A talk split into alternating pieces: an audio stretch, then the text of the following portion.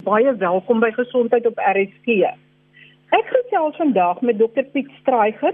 Hy's 'n ingenieur en data-analis by Panda en ook by die Universiteit van Johannesburg se Institute for the Future of Knowledge, wat baie indrukwekkend klink.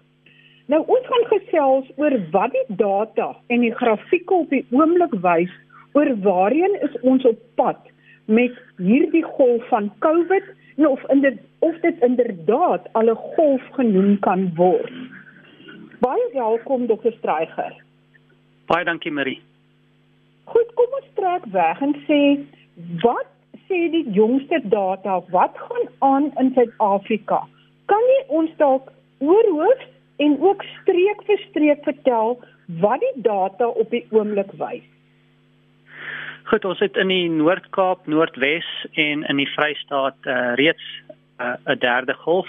Eintlik het die Noord-Kaap nooit uit hulle tweede golf uitgegaan nie, maar maar gevalle het weer opgegaan. So as jy kyk na die graf, lyk dit wel na na 'n derde golf. Die Noord-Kaap is is basies uh, net net oor die piek, Vrystaat is net voor die piek.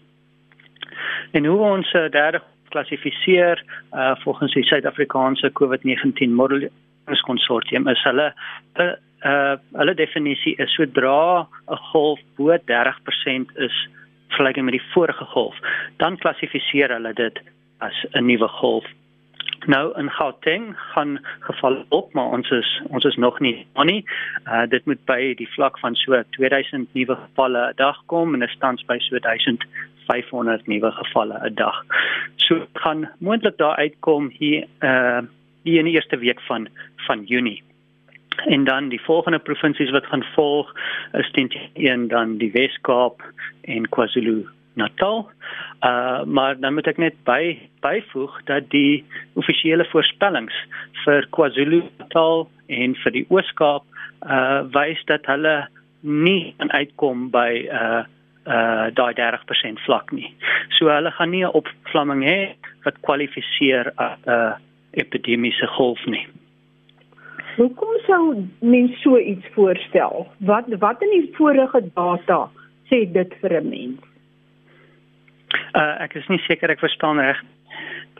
Ek sê hoe kom julle by so 'n voorspelling uit? O, okay.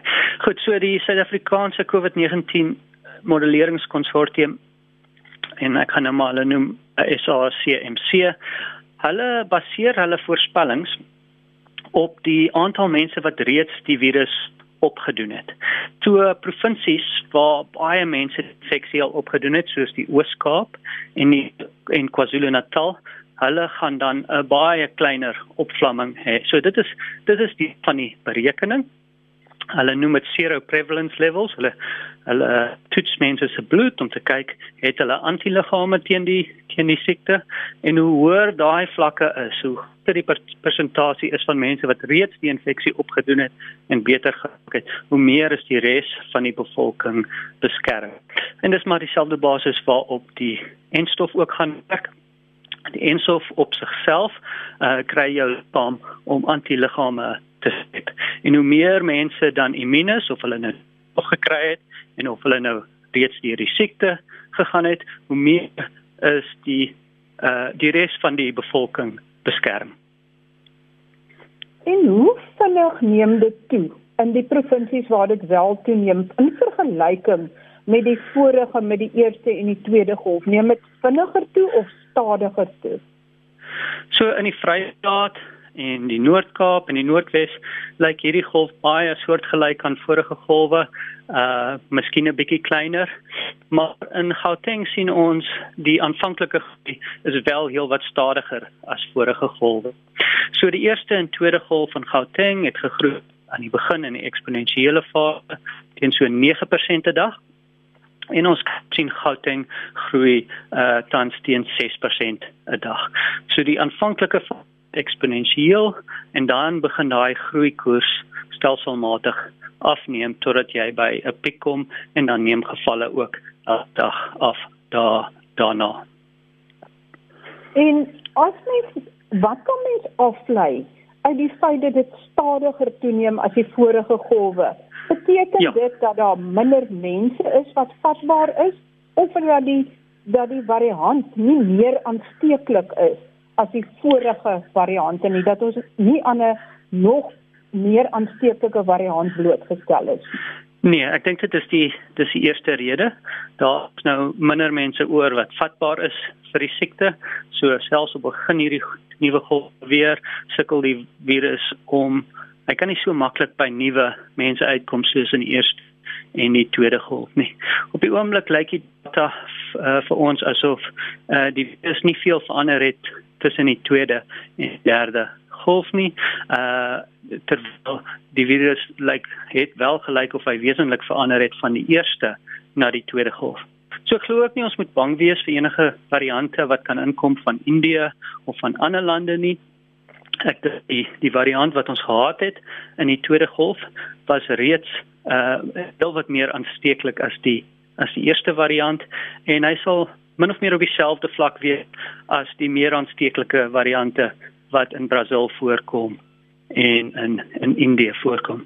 So ek dink immuniteit teen die virus wat ons nou hier het, of jy dit nou kry natuurlik, ehm uh, en of jy nou die enstof gaan kry, gaan voldoende beskerming gee uh ja, as gevolg van die tyd wat mense opbou. En jy het in 'n vorige gesprek gesê eintlik was ons tweede golf wat redelik wat ernstiger was as ons eerste golf. Was eintlik ons tweede en ons derde golf te same. Stem jy nog saam met daai waarneming en hoekom reken julle dit was so? Ja, ons kan nou sien in in in Engeland met hulle tweede golf. Ehm um, daar was amper twee pieke in hulle tweede golf en en dis omdat hulle variant so klein later gekom het en in baie lande is daai pieke nog verder uitmekaar uit. So jy het in Europa lande wat 'n duidelike tweede en 'n derde golf het, maar die derde golf sluit in gevalle 'n nuwe variant in. So ons het reeds met ons tweede golf die nuwe variant gehad. So uh dis nie asof ons nou in 'n derde golf ingaan met 'n virus baie anders is nie. Uh ons die virus is dieselfde as in die tweede golf en omdat immuniteitsvlakke nou heelwat hoër is in die gemeenskap en ons nou uh in in meeste provinsies baie kleiner golf verwag.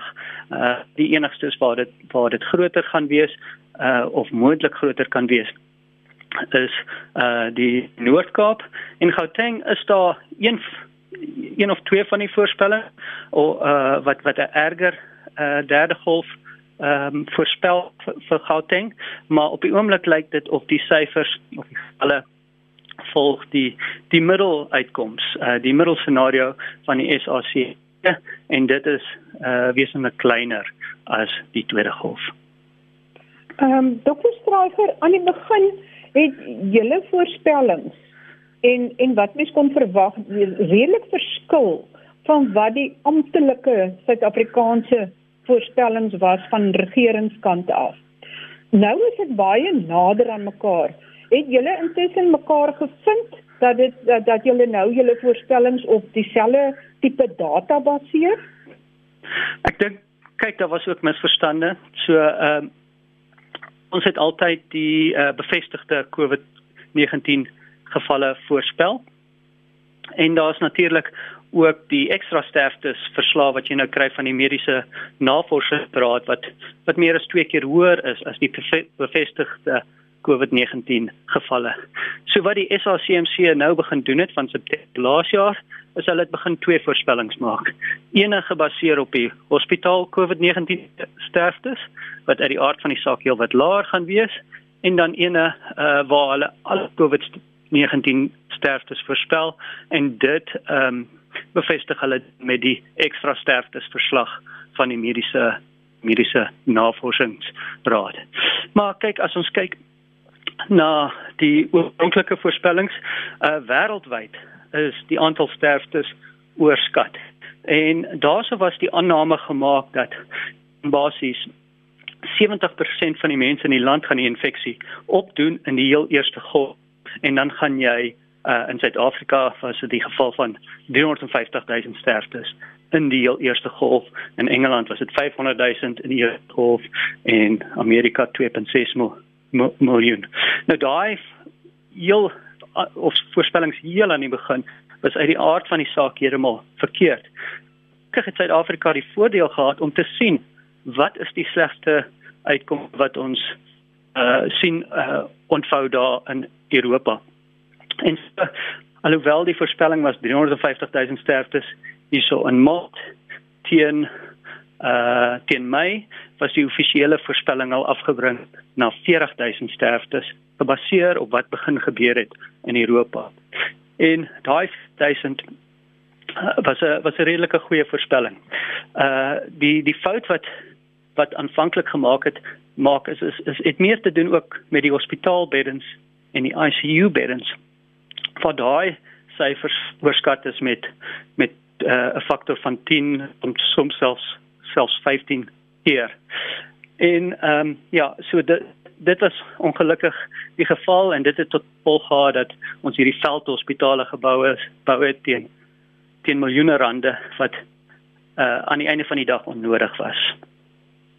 Ja, die byvoorbeeld een in Kaapstad was nooit heeltemal vol gewees nê nee, en net vir 'n kort tydjie wat baie interessant was. Maar ehm um, dit bring ons by Indië se hospitale wat nou so oorweldig is en die so baie sterftes wat daar is.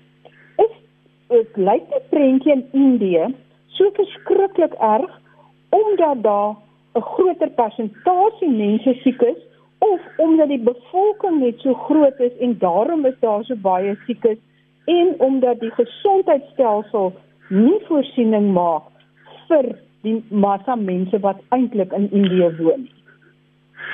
Ja, kyk, Indië is 'n baie groot land. Dit het 1.36 miljard of 'n Afrikaans miljard mense.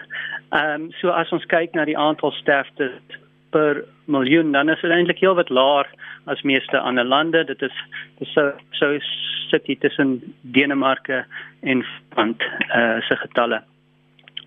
Maar die daar is 'n groot moontlikheid dat in Indië hulle ook 'n groot aantal COVID sterftes mis.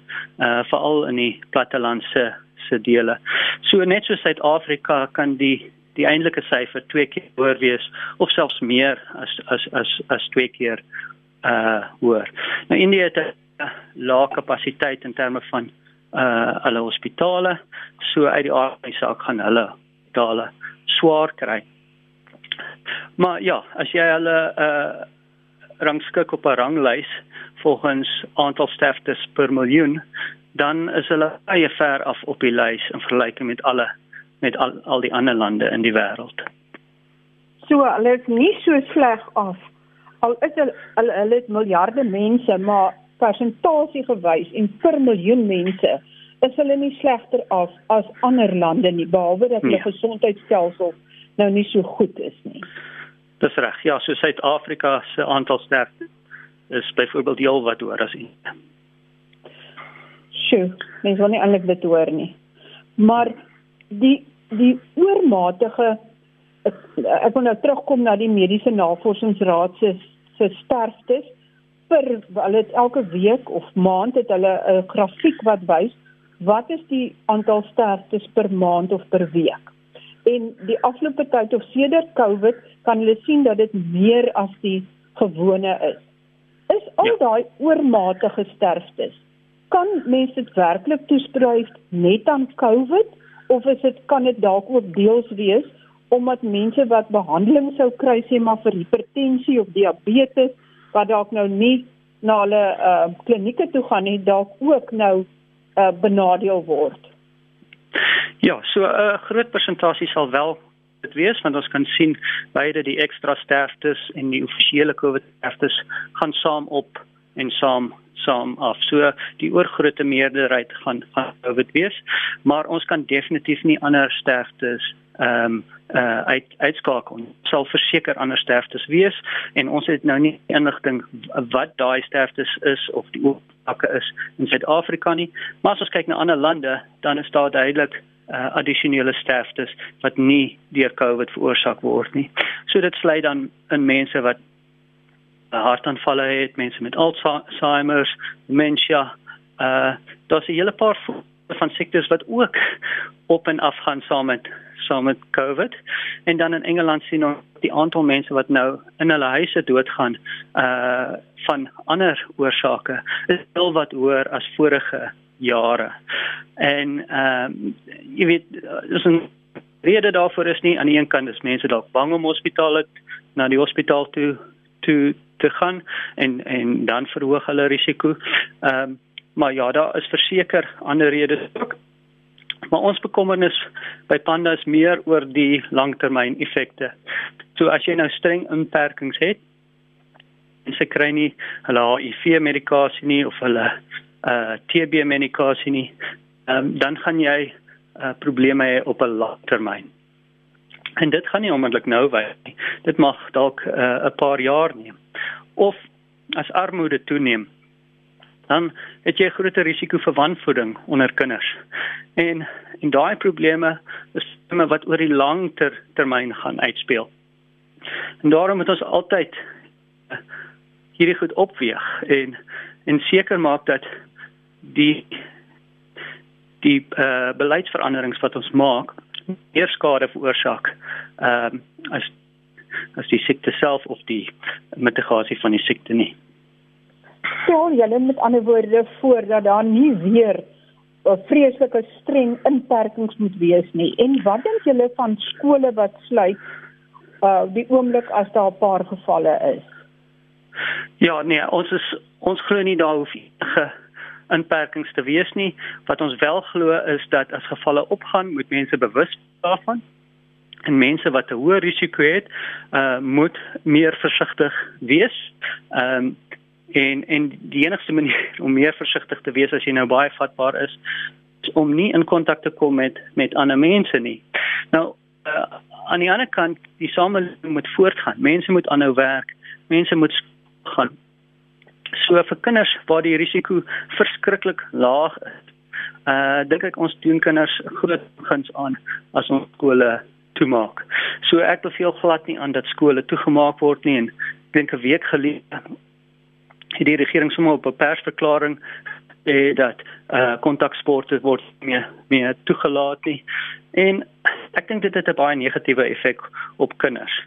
Uh 'n vriend van my se dogter sou haar heel eerste wedstryd gespeel het uh die Saterdag. Sy sy's gebel die donderdag aan, sy's in die span en 2 uur Vrydagmiddag is alle sport gestop. So dit het nog 'n effek op kinders en ehm um, ja, ek ek dink skole moet moet oop bly.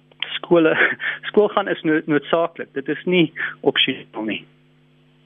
Ja, baie interessant is dat ander studies wat ook onder meer by Tygerberg gedoen is, wys dat die meeste hospitaalwerkers wat COVID opgedoen het, het dit nie binne in die hospitaal opgedoen nie, maar buite die hospitaal in hulle eie omgewing by hulle huise of waar hulle buite buite die hospitaal beweeg.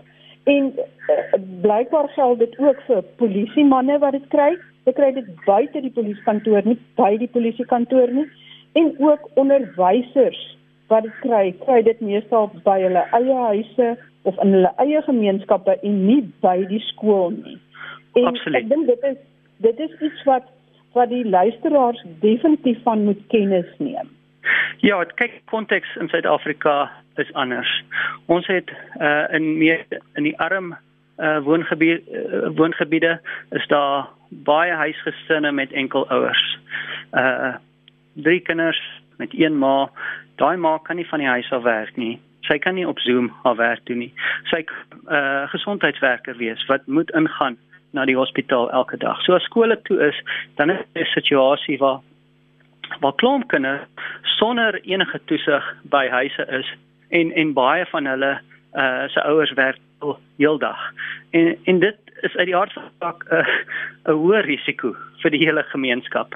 So uh, ek spesifiek vir Suid-Afrika 'n baie groot fout om om skole toe te maak. Dit benadeel ook arme mense baie meer as ryk mense. In die sin dat meeste van die kinders wat na private skole toe gaan, uh die skool gaan aan. As hulle toe is, hulle do, hulle het klasse op doen by die huis. Maar in die arm gemeenskappe, as jy skole toemaak, dan gebeur daar bitter min uh en en dit uh, uh gaan 'n lewenslange effek So ek dink mense moet baie mooi dink voordat hulle uh, aanbeveel dat dat skole toegemaak moet word want ek glo dit veroorsaak baie meer skade uh, en en ek glo ook nie dat dit enige voordele in Suid-Afrika nie. Het dit enigstens hierdie inperkings enigstens 'n invloed gehad op die grafieke wat jy kon duidelik kon sien? Nee. Uh so wat ons wel kan sien is dat ryker woongebiede was mense in staat om uh om die kurwe ter te maak, veral met die eerste golf. Maar tog op die langtermyn het uh die die ryker woongebiede in in Kaapstad 'n baie groter tweede golf gehad, tot keer groter. En dan wanneer ons kyk na die uh uh die armer woongebiede, dan sien ons soos Khayelitsha byvoorbeeld, die eerste golf was twee keer groter as die tweede golf. So hulle was nie in staat om die eerste golf uh platter te maak nie. Uh, maar hulle het nou die voordeel in die toekoms in in die sin dat meer mense is immuun, as meer mense immuun is, beskerm dit uh die die hele die hele gemeenskap. So 80% van mense in Suid-Afrika maak inperkings 'n baie klein verskil. En ons moet dit nou ook in gedagte hou wanneer ons sê uh tot 50% van mense in die land het die infeksie reeds opgedoen en het teen 'n mate van immuniteit, sal daar wel gebiede wees waar immuniteitsvlakke nog baie laag. En dit sal meer die ryker woongebiede wees. So wanneer gevalle hoog is op area, dan moet jy dit in gedagte hou. Jy weet, was daar al baie mense in my gemeenskap wat was?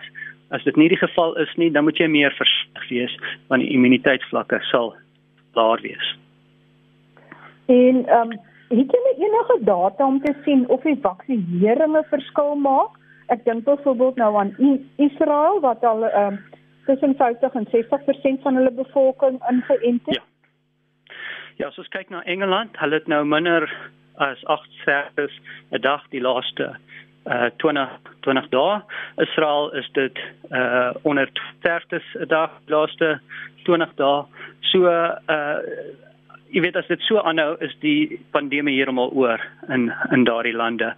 Uh ek moet tog net noem dat hulle eers onlangs beperkings begin verslap het in daardie lande. Engeland het uh 17 Mei weer mense toegelaat om terug te gaan na restaurante toe. Interessant genoeg, hulle het nog steeds 'n beperking van van 30 mense wat bymekaar kan kom uh in in die oop lig en en ses mense uh nou huis maar restaurante is nou oop teaters is oop um 'n klomp uh uh goed wat gesluit was uh voor 17 Mei is nou oop so ons sal nou moet moet kyk hoe dinge loop oor tyd my verwagting is dat gevalle en sterftes baie laag gaan gaan bly in Israel en in Engeland Dit is belangrik hier ook dat ons mense die opsie gee om die enstof te kry so vinnig as moontlik. Ons doen omtrent so 50000 'n dag tans. Uh maar ek voel dit kan baie hoër wees. Mense roep uh, vra nou vir inperkings om ons nou meer tyd te om die enstof uit te rol. Ek glo nie dit gaan 'n verskil maak nie. Dit kan jy miskien 'n week of twee koop. Uh aan die einde van die dag is dit baie beter om die enstof heelwat vinniger uit te rol. Ja, ons is maar baie baie stadig hier in Suid-Afrika, selfs stadiger as ander Afrika lande. Ja. En ja. dit is nou nie eintlik iets om vreeslik oor te spog nie. Dan wil ja. ek net vinnig noem is dat weens hierdie inperking is daar baie groot toename in geestesongesteldheid. Angs, ja. depressie en alles wat daarmee gepaard gaan, het dramaties toegeneem en psigiaters het al telke kere op my program gewaarsku dat hulle al 6 keer meer mense as gewoonlik sien hanteer, hospitaliseer juis as gevolg van dinge wat nou uitkom en hoe mense reageer deur hierdie isolasie. Maar ehm um, Piet net om af te sluit.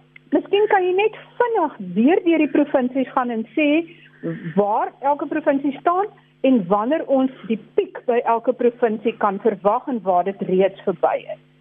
Net soos as dit Ja, so uh, die die provinsies waar gevalle baie hoog gestaan is Noord-Kaap, die Noordwes en die Vrystaat. So mense wat in daai gebiede bly, moet versigtig wees uh, as hulle vatbaar is. Kom ons sê ouer mense en mense met met ander siektes. Dan Gauteng gaan gaan nou uh, hy behoort by die by 'n uh, golfvlakte so oor 'n week of 2. Ehm um, vir die Weskaap ehm um, is daar maar net 'n 10% kans dat die Weskaap oor die uh, 30% vlak gaan gaan wat kwalifiseer as 'n golf vir die Ooskaap en vir KwaZulu-Natal uh, is selfs die eerste uitkoms uh, kwalifiseer nie as 'n epidemie golf golf nie. Uh, die pikke vir die vir die groter provinsies ek of dit in Julie gaan gebeur. So uh, dit hou so 3 maande uh, so einde Augustus is ons daardeur. En hopelik kan ons dan in die toekoms net 'n uh, aanvullende enstof kry wat die ding darm in 'n mate onder beheer gaan hou al is hy dalk vir lank nog met ons. Maar dan kan ons lewe weer redelik normaal voortgaan. Ja, ons lande soos Engeland en Israel vinnig teruggaan na, na normaal om vir die res van die wêreld te wag. Uh dit is oor. Uh en dan dit mense hoop gee. Ehm um, ja, so ek ek glo tog die immuniteit wat jy het uh gaan gaan 'n uh, lang tyd hou en dit ehm um, uh dit sal dan seker maak dat die uh pandemie oor is. Baie baie dankie. Ek het gesels vandag met dokter Piet Straiger. Hy is data-analis van Panda en hy's ook verbonde aan die Universiteit van Johannesburg se Instituut vir toekomstig toekoms van kundigheid en kennis. So baie baie dankie dokter Straiger en vir die luisteraars skakel gerus volgende week weer in dan gesels ons weer gesondheidsake. Groete van my, Marie Hudson.